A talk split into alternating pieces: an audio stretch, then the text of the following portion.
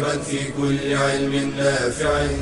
ينمو العلم ويتقدم بتقنياته ومجالاته ومعه نطور أدواتنا في تقديم العلم الشرعي. أكاديمية زاد. زاد أكاديمية ينبوعها. صاف صاف ليروي غلة الظمآن. والسنة الغراء شارحة له فهما لنا من ربنا وحيان.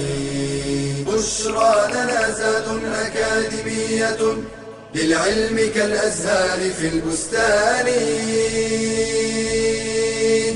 بسم الله الرحمن الرحيم الحمد لله رب العالمين والصلاة والسلام على أشرف المرسلين نبينا محمد صلى الله عليه وعلى آله وصحبه وسلم تسليما كثيرا. أما بعد سلام الله عليكم ورحمته وبركاته. حياكم الله وبياكم وجعل الجنة مثوانا ومثواكم.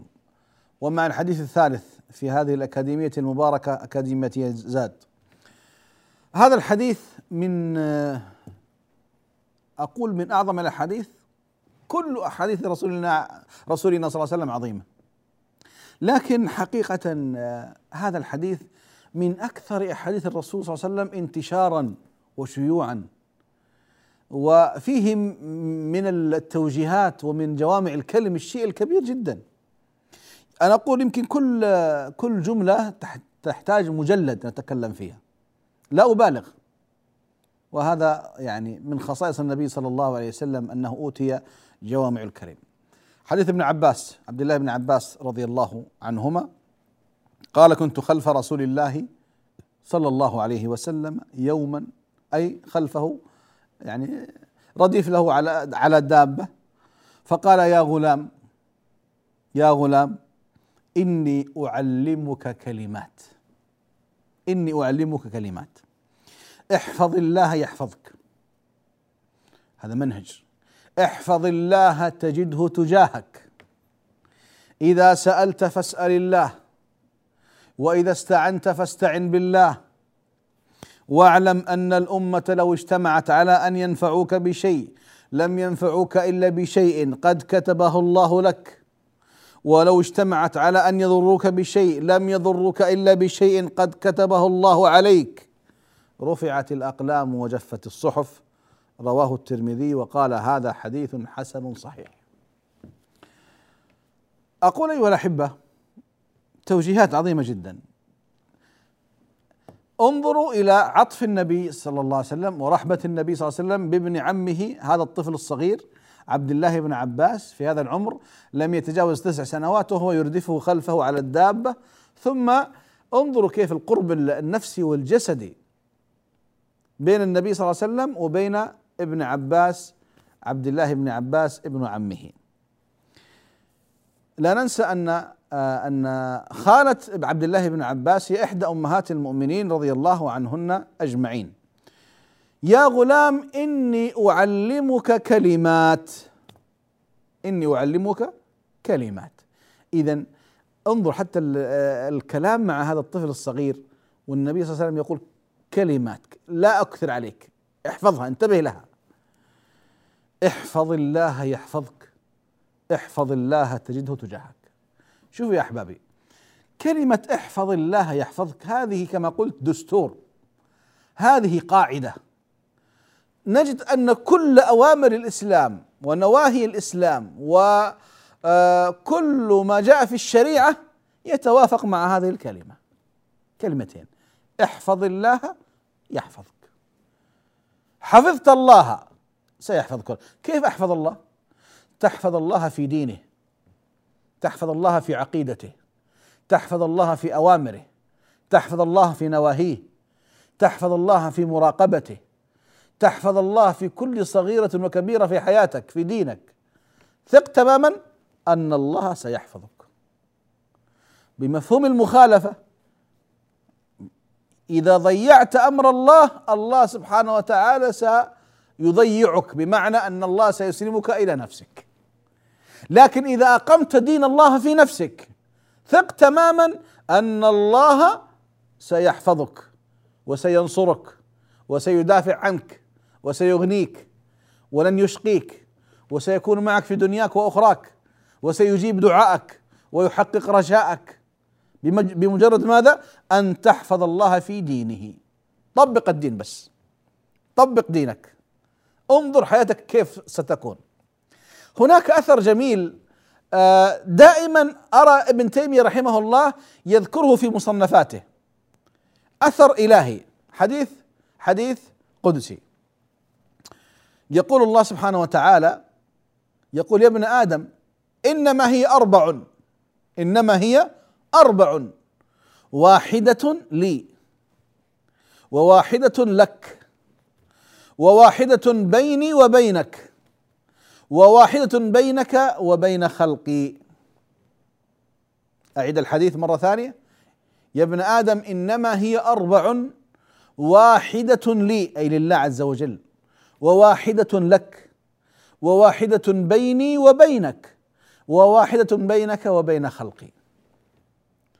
أما التي لي لله عز وجل فتعبدني ولا تشرك بي شيئا.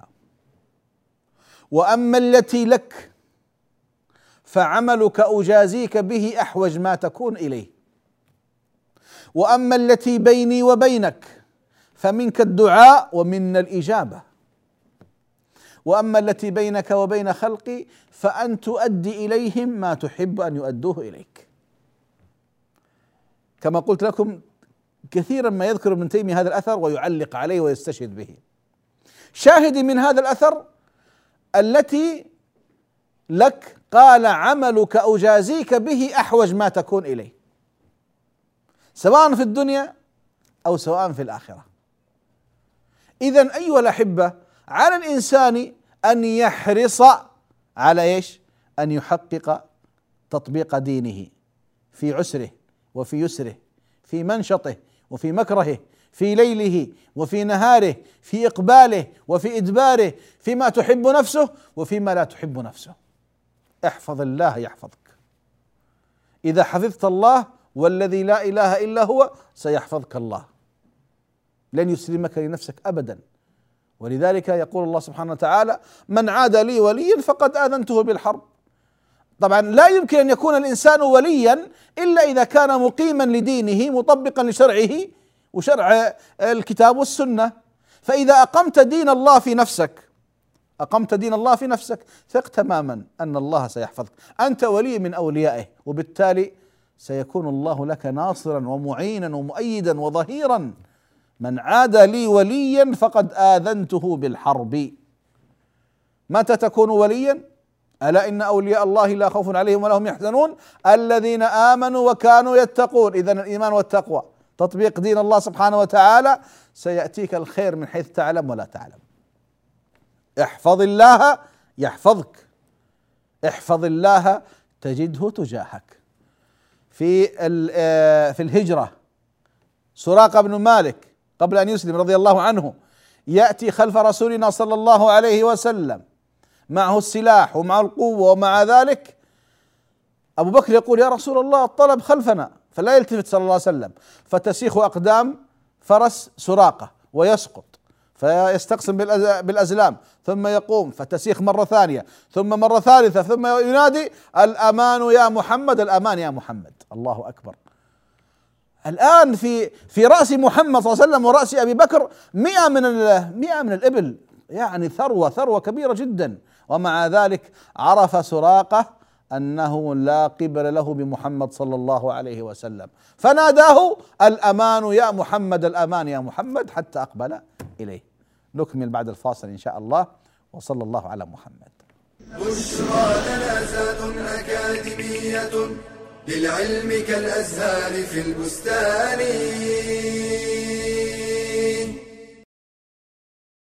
روي أن مسروقا ادان دينا ثقيلا وكان على أخيه خيثمة دين فذهب مسروق فقضى دين خيثمة وهو لا يعلم. وذهب خيثمة فقضى دين مسروق وهو لا يعلم. إنه الإيثار أعلى منازل الكرم والسخاء وأسمى مراتب البذل والعطاء. خلق يبعث على المودة والرحمة ويدل على الصفاء والنقاء. امتدح الله به أصحاب نبيه صلى الله عليه وسلم من الأنصار فقال والذين تبوأوا الدار والإيمان من قبلهم يحبون من هاجر إليهم ولا يجدون في صدورهم حاجة مما أوتوا ويؤثرون على أنفسهم ولو كان بهم خصاصة. وللإيثار فوائد عظيمة وثمار جليلة. منها انتشار التعاون والتعاضد بين المسلمين جلب البركة ونماء الخير وتحقيق الكفاية المادية في المجتمع. كمال الإيمان وحسن الإسلام. الوصول إلى محبة الله ورضوانه. حصول الألفة والمحبة بين الناس. البعد عن صفات الشح والأثرة من علامات الرحمة التي توجب لصاحبها الجنة ويعتق بها من النار. فهنيئا لمن تزين بهذا الخلق الكريم وأصبح ممن قال الله فيهم ومن يوق شح نفسه فأولئك هم المفلحون.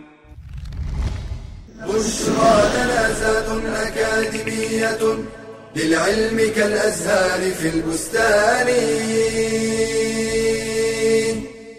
بسم الله الرحمن الرحيم الحمد لله والصلاة والسلام على رسول الله وعلى آله وصحبه ومن والاه وبعد ما زلنا مع هذا التوجيه الجميل احفظ الله يحفظك كما قلت لك يا عبد الله ولك يا أمة الله من حفظ الله في دينه حفظه الله حفظ الله في نفسه وأهله وماله ودنياه وحفظه الله في آخرته وحفظ الله عليه دينه من الزلل ومن الفتن ومن الشهوات ومن الشبهات. ابدا فعل شرط جواب شرط. حفظت الله سيحفظك الله. ضيعت الله سيضيعك الله. بمعنى سيكلك إلى نفسك ولا حول ولا قوة إلا بالله. والذي يقرأ التاريخ ويقرأ السير عجب عجاب يا أحبابي. النبي صلى الله عليه وسلم مع أبي بكر في الغار. كفار قريش يحيطون بالغار من كل مكان. أبو بكر يقول يا رسول الله والله لو نظر أحدهم إلى قدمه لرآنا. فيقول صلى الله عليه وسلم ما ظنك باثنين الله ثالثهما. يقول لو نظر بس أحدهم إلى قدمه لرآنا. لا لا. احفظ الله يحفظك. احفظ الله إيش? يحفظك. ولذلك الإنسان لما تقرأ في سير الصالحين كيف الله يحفظ العلماء والأولياء والصالحين. كيف يحفظ الإمام أحمد رحمه الله في فتنته من السيف؟ يعرض مرارا وتكرارا. كيف يحفظ العلماء؟ مالك بن أنس يحفظ الشافعي يحفظ كثير من علماء الأمة مروا بفتن. من الذي حفظهم؟ الله سبحانه وتعالى. اذا إذا حفظنا الله بإقامة دينه وشرعه وكتابه وسنة نبيه صلى الله عليه وسلم سيحفظنا الله يا إخواني سيحفظنا الله في أنفسنا في عافيتنا في أرزاقنا في أولادنا في نسائنا في أعمالنا في بيوتنا سيحفظنا الله في عقيدتنا سيحفظنا الله في إيماننا. لا نتعرض إلى الشبهات وإلى الزلات. احفظ الله يحفظك. أحد السلف كان رجل كبير في السن فكان راكب على سفينة فقفز قفزة من السفينة إلى ساحل البحر. قفزة ما يستطيعها الشباب. فتعجبوا هذا الشيخ الكبير يقفز هذه القفزة. كيف فعلت هذا؟ كدت أن تهلك نفسك. قال جوارحنا حفظناها لله في الصغر فحفظها الله لنا في الكبر. إذا تقوى الله من أظهر الأمور في الحفظ. إذا اتقيت الله عز وجل في كل صغيرة وفي كل كبيرة في أكلك في شربك في مطعمك في مرقدك في ملبسك في لسانك في بصرك في جوارحك ثق تماما أن الجزاء من جنس العمل. وأن الله سيحفظك سبحانه وتعالى من كل ما تخشاه سواء في دنياك أو في أخراك. طبعا يا أحبابي أعود إلى قضية الذنوب والمعاصي. الذنوب والمعاصي كارثة بكل ما تعنيه الكلمة. لذلك ضد الحفظ أن يقع الإنسان في إيش؟ في معصية الله سبحانه وتعالى. فإذا الإنسان وقع في المعصية وفي الذنب يعني استجر إليه البلاء ولا حول ولا قوة إلا بالله. فإذا اتقى الله سبحانه وتعالى منع منه البلاء بفضل الله سبحانه وتعالى. أذكر أنني قرأت في ترجمة رجل اسمه أبو داود الإطرابلسي. أبو داود الإطرابلسي. هذا الرجل كان من الفساق. ثم تاب الله عليه. فأصبح يحج سنة ويرابط في الثغور سنة. وكان يمشي لوحده. ما يمشي مع الناس في طرقاتهم. لماذا؟ حتى لا يلهوه عن ذكر الله سبحانه وتعالى. وكان هذا الرجل إذا إذا ضاع أو ظل ظلت به الطريق كان يدعو الله أن يهديه إلى إلى إلى إلى, الطريق الصحيح فيهتدي. له سيرة جميلة جدا.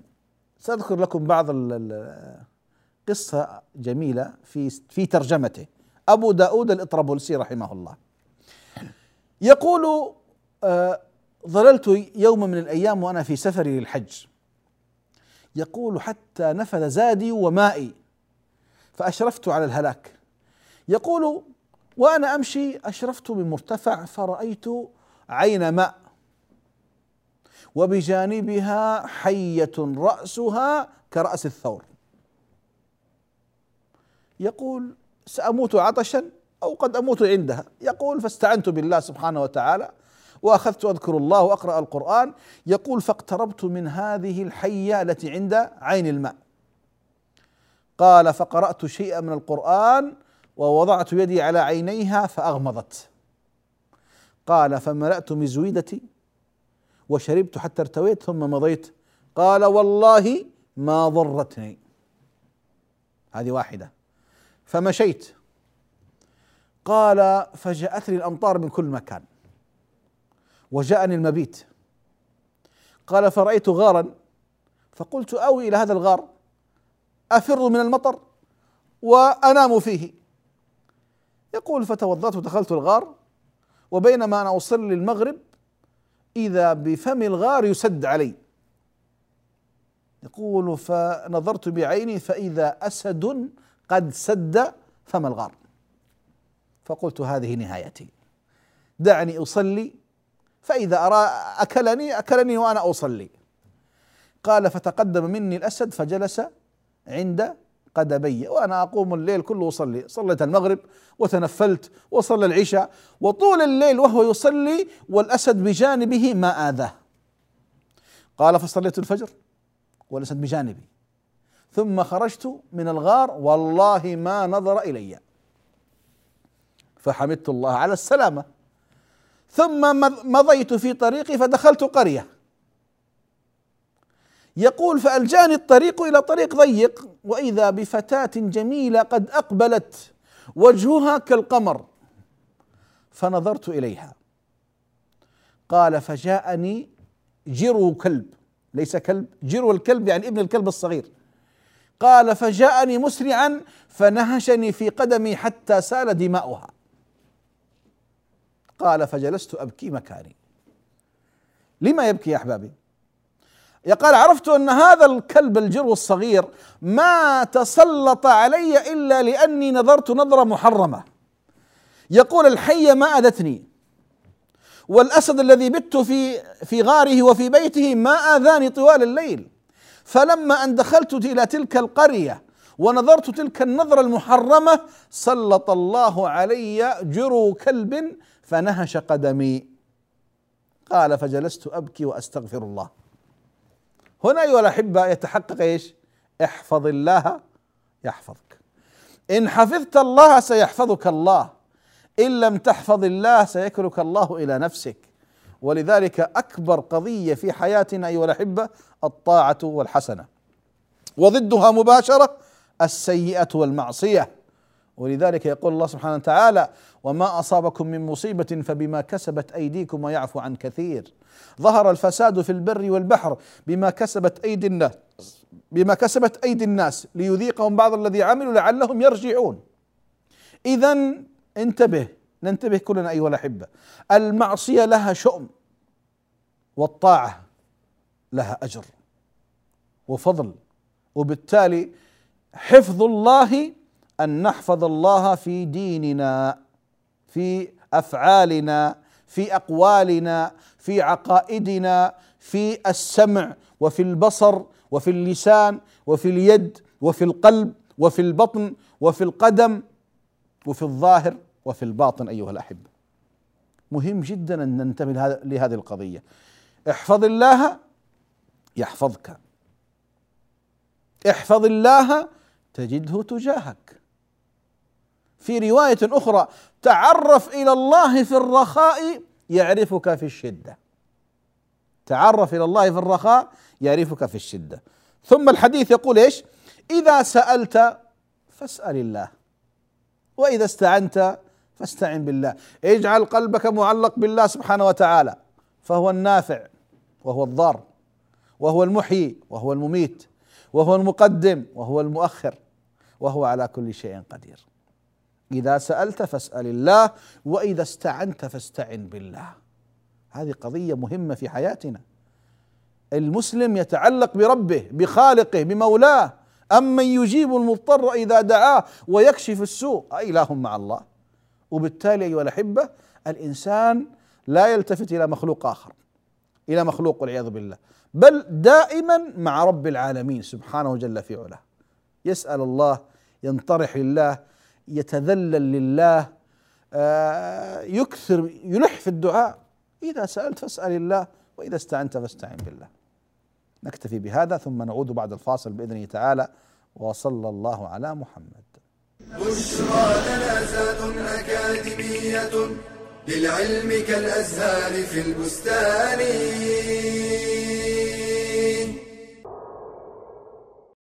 كل إنسان له خصوصيته وأسراره وقد شرع الإسلام الاستئذان وحرم التجسس حفظا للعورات واحتراما للخصوصيات.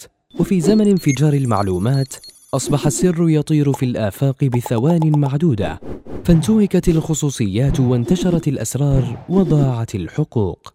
فاختراق المواقع والمنتديات جريمة والتلصص على البريد الإلكتروني وحسابات المستخدمين جريمة. والعبث ببيانات المستخدمين واستعراض محتوياتها دون إذن أصحابها جريمة. ففي الحديث من تتبع عورة أخيه المسلم تتبع الله عورته ومن تتبع الله عورته يفضحه ولو في جوف بيته. والمسلم اللبيب يأخذ حذره ويأخذ بكل الأسباب التي تحفظ أسراره وخصوصياته.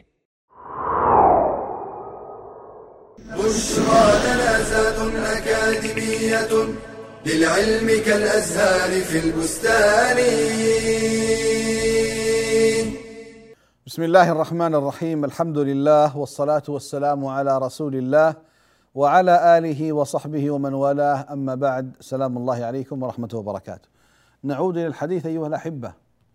إذا سألت فاسأل الله وإذا استعنت فاستعن بالله. أحبتي في الله بنيت الأمة بمصائب كثيرة منذ القدم. وهذه المصائب تنتج عن قلة العلم الشرعي تنتج عن قلة العلماء تنتج عن قلة الآمرين بالمعروف والناهين عن المنكر. ما هي القضية؟ قضية الشركيات والكفريات تعلق القلوب بغير الله سبحانه وتعالى. أحبابي في الله يعني من يصدق الآن في هذا العصر الذي ملئ بالعلم ووسائل التواصل الاجتماعي الكثيرة والقنوات الفضائية و و وأشياء كثيرة جدا ومع ذلك آلاف القبور والأضرحة والمزارات العالم الإسلامي تعج بها الدول العربية والإسلامية تعبد من غير الله لماذا؟ لماذا؟ وبعدين قضية قضية من القضايا المفصلية قضايا خطيرة جدا قضايا تضاد الدين بالكلية لماذا؟ أين العلماء؟ أين ولاة الأمر؟ أين الآمرون بالمعروف الناهون عن المنكر؟ أين المصلحون الذين يصلحون ويعلمون الناس هذا صح وهذا غلط؟ يا أحبابي آلاف مؤلفة من الأضرحة والمزارات والقبور تعج بها أو يعج بها العالم الإسلامي لماذا؟ وبعدين كما قلت لكم ما هي قضية يعني قضية أمور آه، تعم بها البلوى آه، لا لا كفر خروج من الملة يعني من مات والعياذ بالله يخلد في نار جهنم أبد الآبدين وهو يفعل ذلك الطواف بالقبور النذر والذبح للقبور دعاء القبور عبادة أهل القبور الاستعانة بهم دعاؤهم اللوذ بهم. آه، أشياء كثيرة. يعني أين عقولنا؟ أين ديننا؟ أين عقيدتنا؟ أين كتاب الله؟ أين سنة رسول الله صلى الله عليه وسلم؟ والله رأيت بعيني. أنا لا أقول حدثني أقول رأيت بعيني. فضلا عن انتشار هذا في كثير من من من الدول ولا حول ولا قوة إلا بالله. كيف تحول هذه المقابر إلى معابد ومساجد؟ ومساجد يدفن فيها الأموات ويدعون من دون الله ويطاف بقبورهم ويدعون ويستغاث يستغاث بهم ويذبح لهم وتقدم لهم النذور. وين ديننا؟ الشرك كارثة. الشرك كارثة. انه من يشرك بالله. فقد حرم الله عليه الجنة ومأواه النار وما للظالمين من أنصار. ان الله لا يغفر ان يشرك به ويغفر ما دون ذلك لمن يشاء ومن يشرك بالله فقد افترى اثما عظيما. يا ابن آدم انك ما دعوتني ورجوتني غفرت لك على ما كان منك ولا ابالي. يا ابن آدم لو بلغت ذنوبك عنان السماء السماء ثم استغفرتني غفرت لك. يا ابن آدم انك لو اتيتني بقراب الأرض خطايا ثم لقيتني لا تشرك بي شيئا. لأتيتك بقرابها مغفرة. لماذا الشرك ينتشر في العالم الإسلامي؟ لماذا؟ لا والله ما في شرك بس أنتم كذا مهورين الموضوع مكبرين الموضوع. من قال هذا الكلام الفاضي؟ الآن انظر لجميع الدول العربية الآن.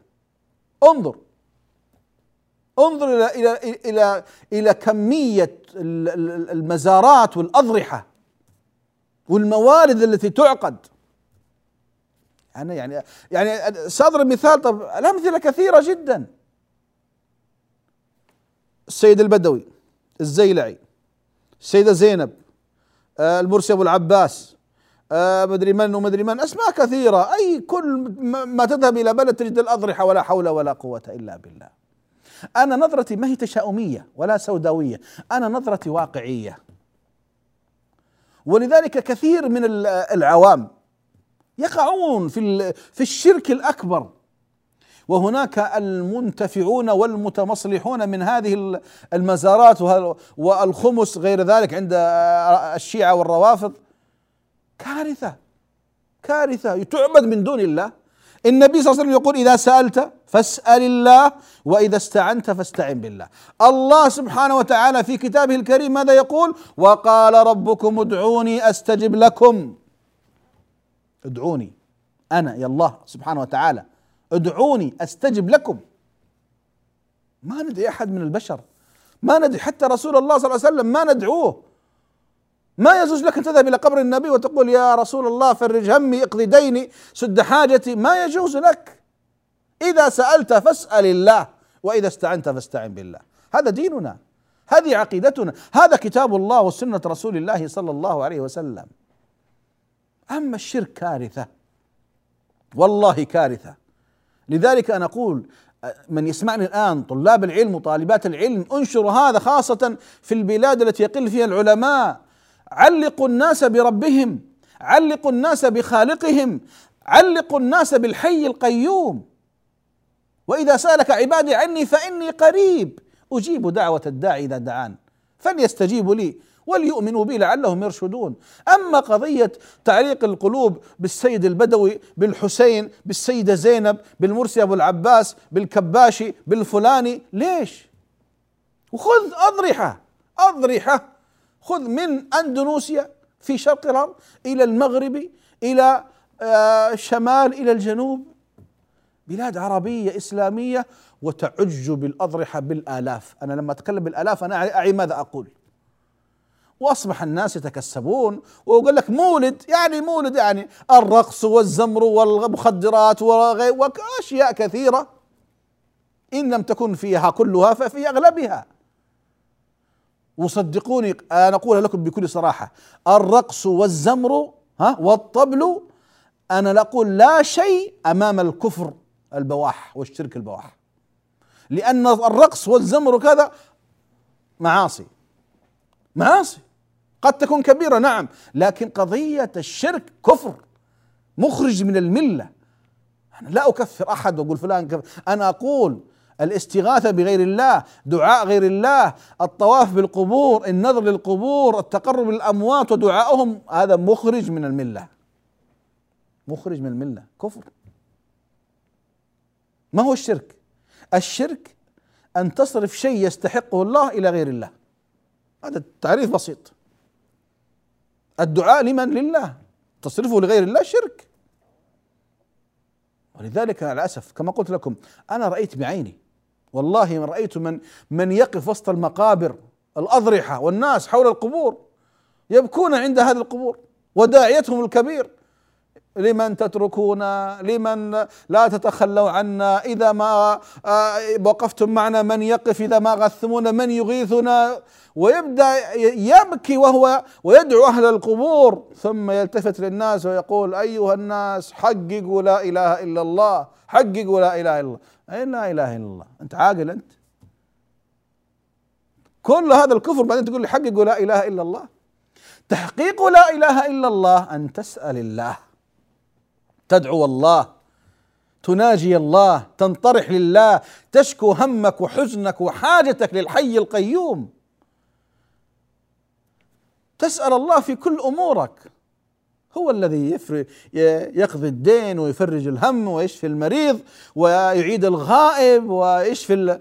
يا إخواني قضايا مفصليه في حياتنا ما عاد فيها قضية يعني واحد اثنين. خلاص أنت تعبد الله. اذا هذه العبودية تستلزم أنني أفوض أمري لله في كل صغيرة وكبيرة. لا أعلق قلبي بفلان أو فلان أو فلان حتى برسول الله حتى برسول الله صلى الله عليه وسلم. ابدا. رسول الله صلى الله عليه وسلم رسولنا وأفضل البشرية على الإطلاق لكنه بشر لا ينفع ولا يضر. رسولنا صلى الله عليه وسلم سؤال بسيط هل استطاع أن يهدي عمه؟ عمه. أبو طالب الذي رباه والذي في مقام والده. سؤال بسيط جدا. هل استطاع أن يهديه إنك لا تهدي من أحببت ولكن الله يهدي من يشاء. الله مو بالبشر. لذلك أنا أقول أحبتي في الله قضية الدعاء الاستعانة. إذا سألت فاسأل الله وإذا استعنت فاستعن بالله. واعلم أن الأمة لو اجتمعت على أن ينفعوك بشيء لم ينفعوك إلا بشيء قد كتبه الله لك. مو بالضريح الفلاني. والمزار الفلاني والولي الفلاني والقبر الفلاني. لا الله هو الذي كتبه لك. ولو اجتمعت الأمة أحياء وأموات على أن يضروك بشيء لا يضروك إلا بشيء قد كتبه الله عليك. رفعت الأقلام وجفت الصحف. الله مو بالبشر مو بالضعاف مو بالأموات. لا الله. هذه قضية خطيرة. أتمنى منكم أيها الإخوة والأخوات طلاب العلم طالبات العلم أنشروا هذا بين الناس أنقذوهم من النار. أنقذوهم من الشرك. قربوهم إلى الله. علقوهم بالله سبحانه وتعالى. همك وغمك وحاجتك عند الله. هو القادر. هو المغيث. هو اللطيف. هو الملك. هو العزيز. هو الرحيم. أنت ضعيف. لذلك أيها الأحبة لا ننتبه لفلان وفلان. لا نسأل الحي القيوم. ننطرح لله سبحانه وتعالى. حديث مكتمل لكن حقيقة أيها الأحبة نخرج بهذه الفائدة الأخيرة وأسأل الله سبحانه وتعالى بأسمائه وصفاته أن يحفظ علينا ديننا وعقيدتنا وتوحيدنا وإيماننا وعلى جميع المسلمين وصلى الله على محمد وعلى آله وصحبه وسلم والحمد لله رب العالمين. يا راغبا في كل علم نافع متطلعا لزيادة الإيمان وتريد سهلا النوال ميسرا. يأتيك ميسورا بأي مكان. زاد زاد أكاديمية ينبوعها. صاف صاف ليروي غلة الظمآن. والسنة الغراء شارحة له. فهما لنا من ربنا وحيان.